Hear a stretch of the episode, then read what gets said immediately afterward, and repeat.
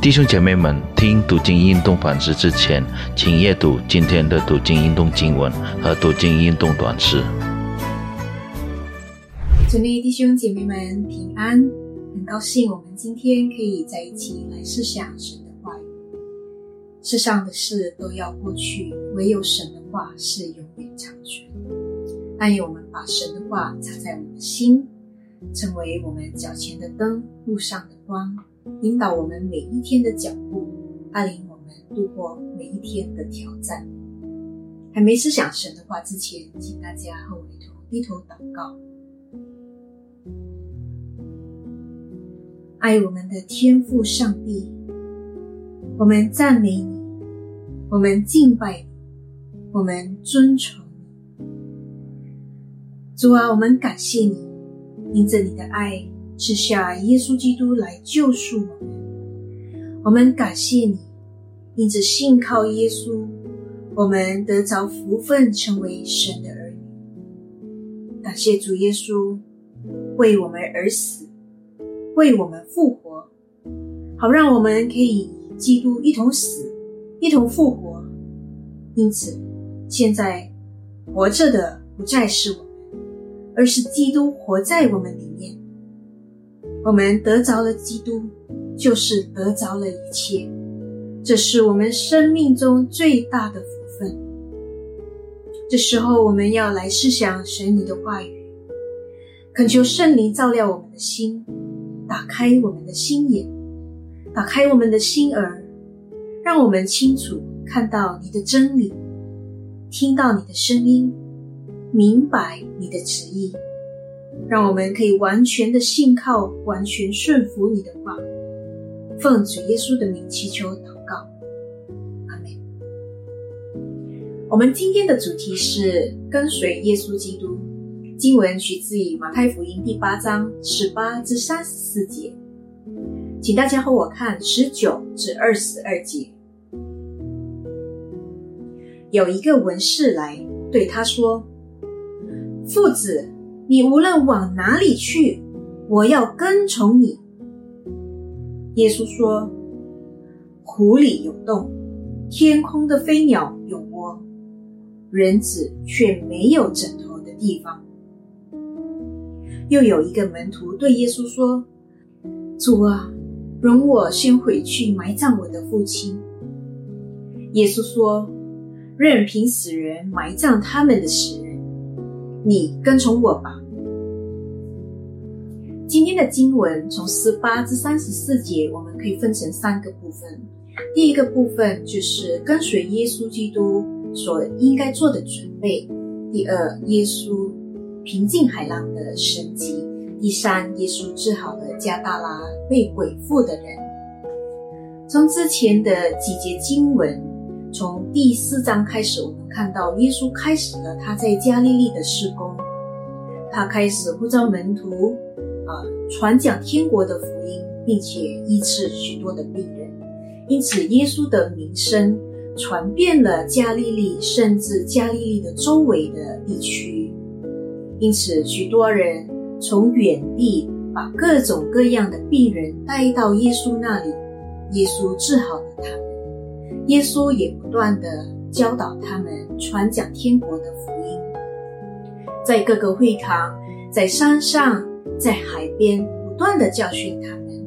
那众人听见了耶稣的教导，就发现耶稣的教导和他们的文士法利赛人的教导是不一样的。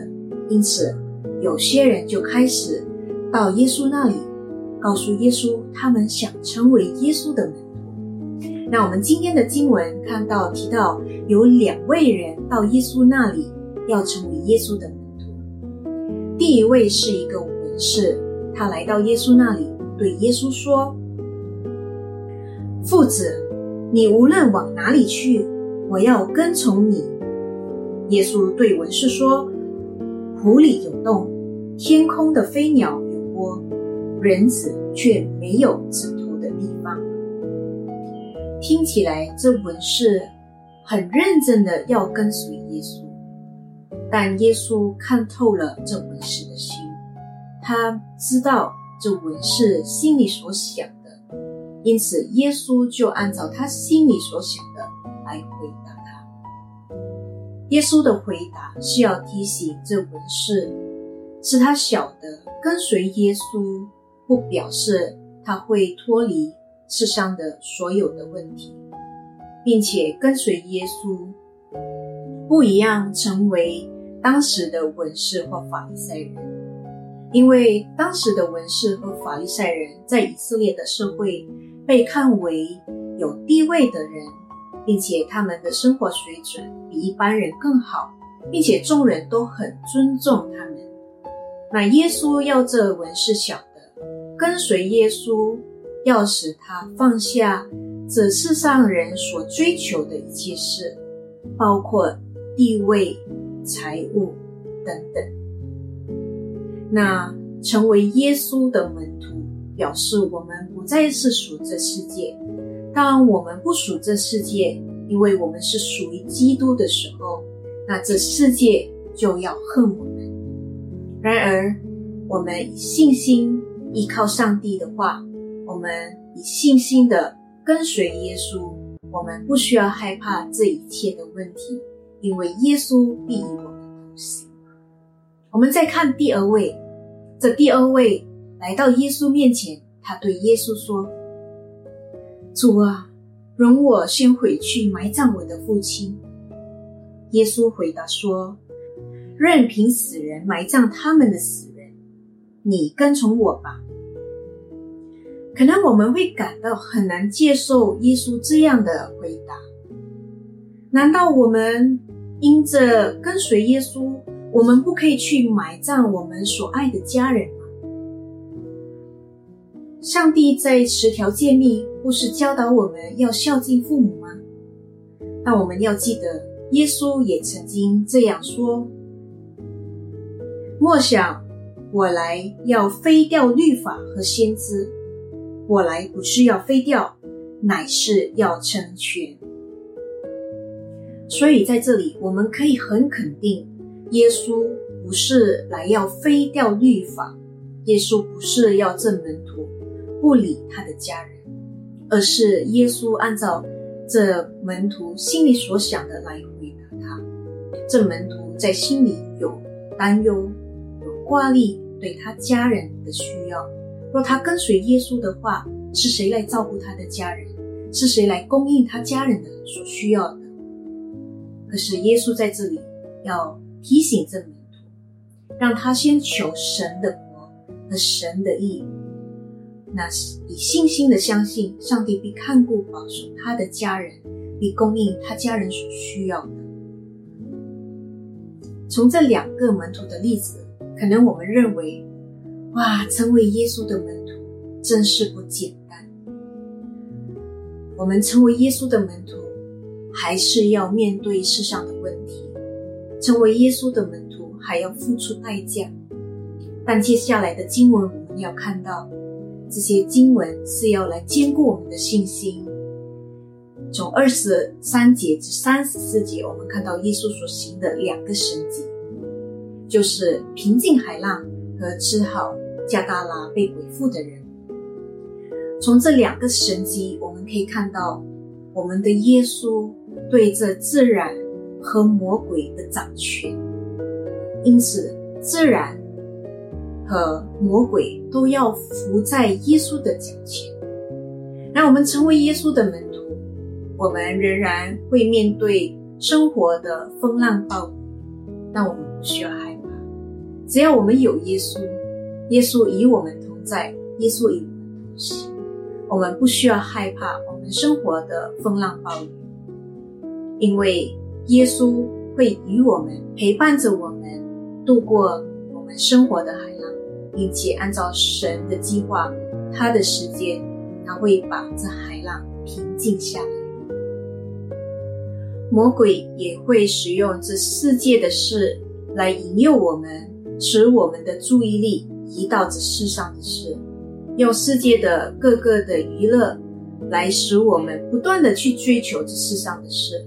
或者因为我们缺乏这世上的事，使我们感到惧怕、忧虑、担心。但今天的经文要提醒我们，耶稣已经战胜了魔鬼的试探，战胜了这世界上的所有的试探。耶稣对魔鬼有掌权，因此我们不需要害怕。当我们面对这世上的引诱、魔鬼的试探，我们不需要害怕，因为有耶稣与我们同在，他必帮助我们战胜这一切。今天我们是否成为耶稣的门徒我们是否已经预备好心，完全的顺服，完全相信，完全依靠跟随耶稣？那我们就不需要害怕，因为当我们有耶稣，我们拥有了一切，他必与我们同行，他必陪伴着我们度过我们生活的海浪。他会陪伴着我们，帮助我们战胜魔鬼的试探、魔鬼的引诱。我们一同低头